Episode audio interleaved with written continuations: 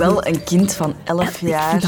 Waanzin. En 11 waarom? jaar. Dit is een grens die nog niet bij ons was overschreden. Zal het drugsgeweld in Antwerpen nog verder ontsporen na de dood van een 11-jarig meisje? De federale regering heeft een akkoord bereikt over het langer openhouden van de twee jongste kernreactoren. Maar wat is dat akkoord eigenlijk waard? Het is iets groot. Je zou bijna denken dat dat iets is om te spelen of zo.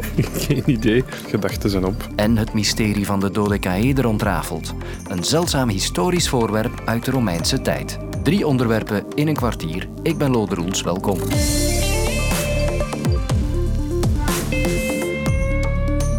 De dag eindigde gisteren met dramatisch nieuws. In Merksem bij Antwerpen kwam een meisje van 11 om het leven bij de beschieting van een woning. Het zou gaan om een afrekening in het drugsmilieu. Een aantal broers van de moeder van het slachtoffer is bekend in dat milieu. Een van de eerste reporters die gisteravond ter plaatse arriveerde was onze collega Carolien van den Bergen. Wel, ik was eh, net thuisgekomen. Ik woon ook in Antwerpen. ehm, en ik werd gebeld door de eindredacteur van, eh, van Laat met de melding dat er een eh, schietincident was geweest in Merksem.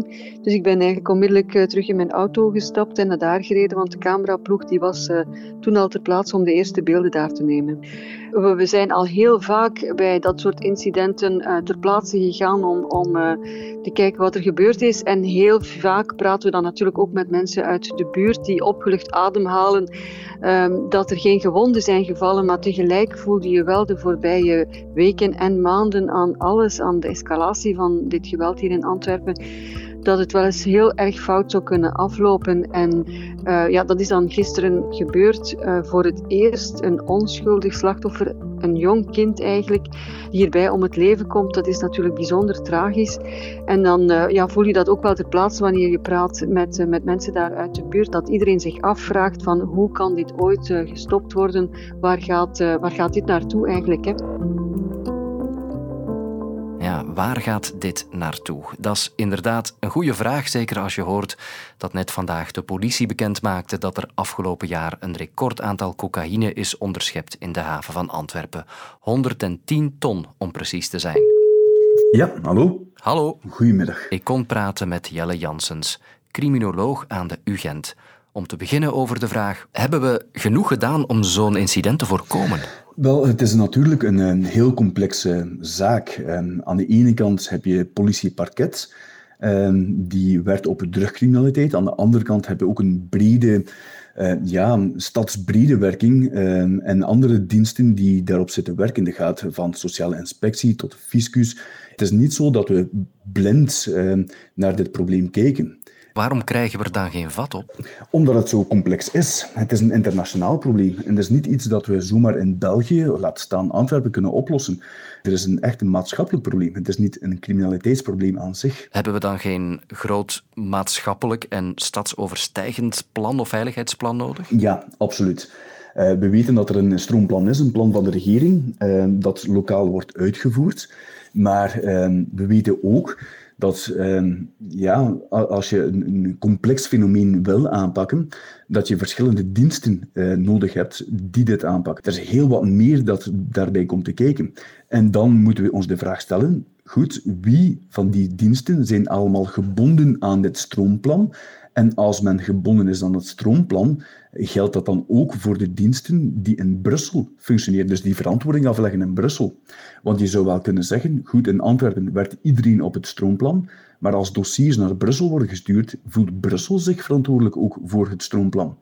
En dan zou je wel kunnen zeggen, van goed, misschien moeten we onze veiligheidsarchitectuur eh, beter gaan opzetten, beter gaan uitbouwen, om een snelle schakeling te kunnen maken van het lokale tot zo het internationale niveau. Veel mensen vrezen nu voor een escalatie, dat we in een spiraal van geweld terecht zullen komen. Denkt u dat ook? Die kans is heel reëel. Eh, als we kijken naar gevallen in, in Duitsland, in het Verenigd Koninkrijk, in Italië, in Nederland. Als er dodelijke slachtoffers vallen eh, bij dergelijke afrekeningen, dan zien we dat er toch een spiraal van geweld ontstaat. Kunnen we dit een kantelpunt noemen in de war on drugs? Ik denk het wel. En dat is puur buikgevoel, omdat ja, als er iemand een, eh, als er een dode slachtoffer wordt, eh, ge- valt, dan zie je effectief dat de emoties oplaaien en dat we wel in een situatie terechtkomen die gelijkaardig wordt aan Nederland. Want in Nederland vallen ook onschuldige slachtoffers, ja, als, als bijstaanders als omstaanders. Maar er is ook een alternatief. En het alternatief hebben we ook gezien, ook in Italië. In Sicilië bijvoorbeeld, met de Cosa Nostra, waarbij men in de jaren 60 heeft gezegd van kijk, laten we met de verschillende netwerken, de verschillende criminele groeperingen, laten we samenkomen en afspraken maken over territorium, over verkoop, over distributie. Dus als men dit rationeel aanpakt, zich niet laat... Eh, ja, door emoties laten drijven, dan zou je kunnen zeggen, ja, via bemiddeling zou je de gemoederen in die onderwereld kunnen bedaren. Ja, maar is het dan aan de overheid om te bemiddelen tussen die drugsbendes, of hoe ziet u dat? Helemaal niet. De overheid moet haar rol spelen natuurlijk. De overheid moet uh, inzetten op die sociale preventie, moet inzetten op de versterking van onze veiligheidsarchitectuur en op het beter werken van politie en justitie. Het is wel aan de, de criminele organisaties zelf om de beslissing te maken van kijk, gaan we effectief naar een drugoorlog waarbij doden vallen op straat? Men zal die vraag moeten stellen. Het is niet aan de overheid om die bebillingspoging te doen. Het is wel aan de criminele organisaties die betrokken zijn om te beseffen waarmee men bezig is. Jelle Janssens, dank u wel.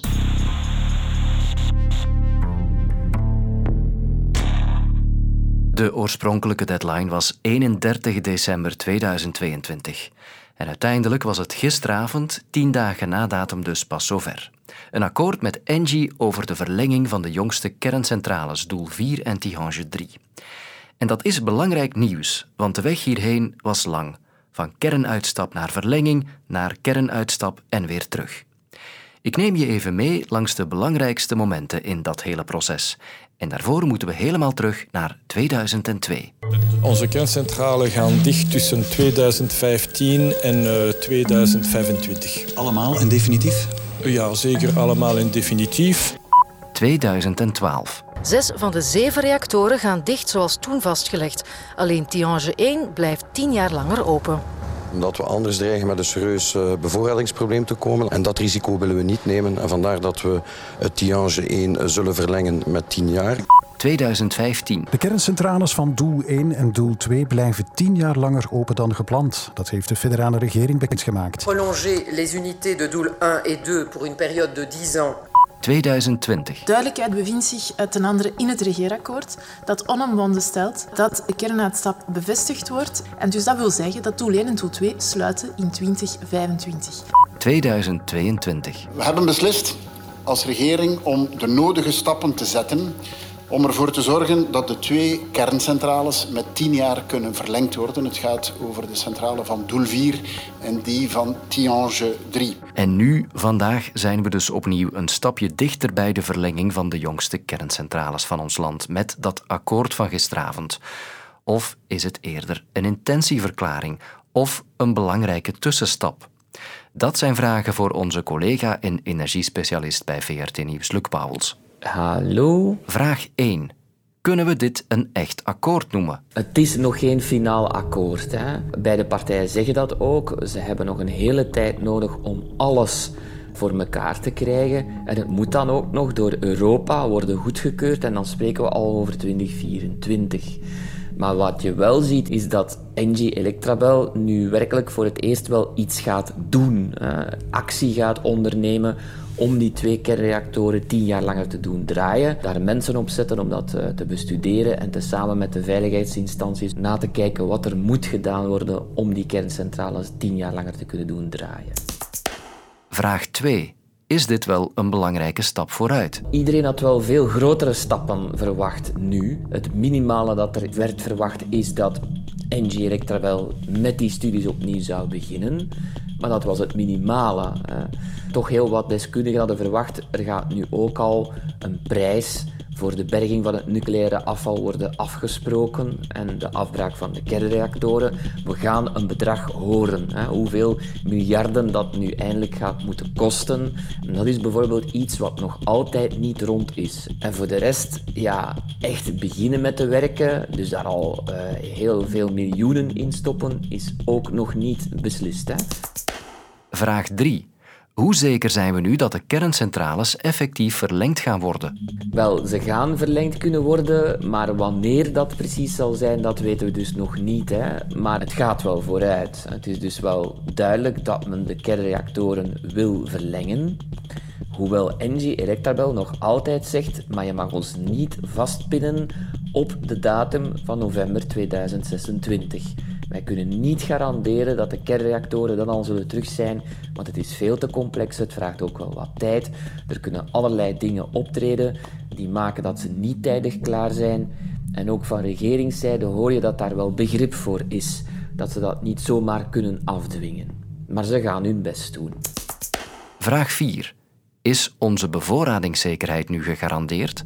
Wel, er is zeker een probleem. Er is op dit moment echt geen plan van hoe gaan we de winter 25-26, wanneer de zeven kernreactoren weg zijn, vijf omdat ze moeten sluiten, de twee jongste omdat men ze dan aan het onderhouden is met het oog op die verlenging van de levensduur voor tien jaar vanaf eind 2026. Er is op dat moment in die winter 25-26 nog niets. Er is een gat daar wordt over gespeculeerd hoe men dat zou kunnen invullen. Misschien met wat batterijen, met slimme sturing van de stroom, maar dat gaat niet genoeg zijn. Daar gaan andere dingen moeten gebeuren en op dit moment is daar zelfs nog geen plan B.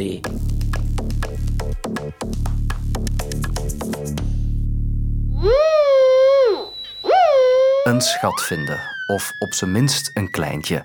Het was ooit ook mijn jongensdroom. En er zijn mensen die zich zo hard vastbijten in die droom dat ze op een dag ook echt iets vinden. Patrick Schuurmans is zo iemand. Hij gaat geregeld op stap met zijn metaaldetector. En hij deed onlangs een spectaculaire vondst uit de Romeinse tijd. Ik was uh, gelijk als altijd uh, met vrienden aan het zoeken op akkers. We gaan meestal op akkers zoeken. Ja, je zwaait met, de, met het machine over de akker. En als je signaal krijgt, dan uh, moet je graven eigenlijk. Op die akker had ik al wat Romeins gevonden. En het ligt daar ook met Romeinse scherven. Bezaaid, zal ik maar zeggen, op die akker. En toen ik het stukje vast had, dacht ik meteen eraan, maar je weet nooit niet zeker. Het kan even goed een stuk van iets modern of van een stuk speelgoed geweest zijn of zo. Het had een mooie patine en het zag er oud uit. En ja, mijn, mijn eerste gedachte was wel dat het een fragment van een dodecaeder zou zijn. Een dodecaeder. Ik ben al blij dat ik het kan uitspreken, maar het voorwerp beschrijven is misschien nog moeilijker. Ik doe een poging. Het lijkt op een kruising tussen een bol en een kubus met twaalf vlakken. Het is van metaal, er zitten gaten in en er plakken polletjes aan. Stop. Verder kom ik niet. Laat staan dat ik weet waarvoor het ooit gediend heeft.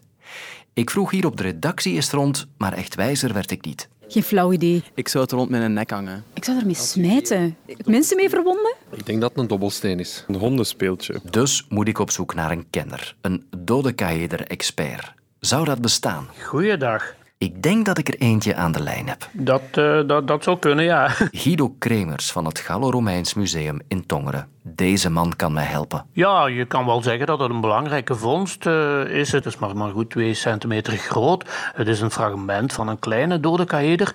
Maar er zijn in België slechts een twee, drietal uh, dodecaeders gevonden. Wij hebben een compleet exemplaar, ja. En we hebben dat mooi in het museum opgesteld. En wij kunnen dit stukje daar heel mooi bijleggen in het museum. En dan kan iedereen zien tot welk gedeelte van het dodecaeder het hoort. Maar wat kan dan ooit de functie geweest zijn? Guido heeft een paar opties in zijn mouw zitten. Het zou bijvoorbeeld een kaarsenhouder kunnen geweest zijn. En het zou kunnen dat bijvoorbeeld door een grotere opening een kaars kan gestoken worden die dan ondergevat wordt in de kleinere opening. En dan kan het zo op tafel gezet worden. Het zou bijvoorbeeld kunnen dat het een landmeetinstrument is, waardoor je eigenlijk een beetje in perspectief kan kijken en waardoor je afstanden zou kunnen meten en hoeken zou kunnen uitzetten. Het zou bijvoorbeeld kunnen zijn dat het binnen de scheepvaart gebruikt is om afstanden in te schatten, om uh, bijvoorbeeld ook naar sterren te kijken en dat soort zaken. Ik denk dat het iets in de magisch-religieuze sfeer zit. We moeten er rekening mee houden dat de Romeinen enkel officiële dingen in hun godsdienst toestonden, bijvoorbeeld de verering van Jupiter. Maar bijvoorbeeld waarzeggerij, dat was niet toegelaten in het Romeinse Rijk. Dat waren occulte gebeurtenissen die ondergronds gebeurden. En daar is dus ook niet over gepubliceerd. Maar we weten dat er andere categorieën van objecten zijn, bijvoorbeeld vervloekingstabletjes, waarbij bijvoorbeeld een lode plaatje aan, aan een huis gehangen wordt, waarbij de bewoner van het huis vervloekt wordt, dat soort dingen. En ik denk dat het in die sfeer ook gezocht moet worden. Niet per se met vervloekingen, misschien met waarzeggerij, met andere zaken die in die sfeer hangen. Ja, het zou dus best kunnen dat we het mysterie van de dodecaeder nooit zullen ontrafelen. Maar misschien is dat net het spannende eraan. Ja, inderdaad, dat klopt. Op het moment dat we het uh, helemaal ontcijferd hebben, dan wordt het weer minder leuk voor de mensen. en voor ons ook als archeoloog. Dus we blijven er nog graag een beetje mee bezig. De drie vragen waar we een kwartier geleden mee begonnen, die zijn in elk geval beantwoord. Morgen doen we een nieuwe poging. Tot dan. Een spectaculaire tunnelroof, een aanslag en een kind dat aan een razzia ontsnapt. Ontdek de podcast De Kunst van het Verdwijnen over drie verhalen op dezelfde Antwerpse straathoek. Nu in de app van VRT Max.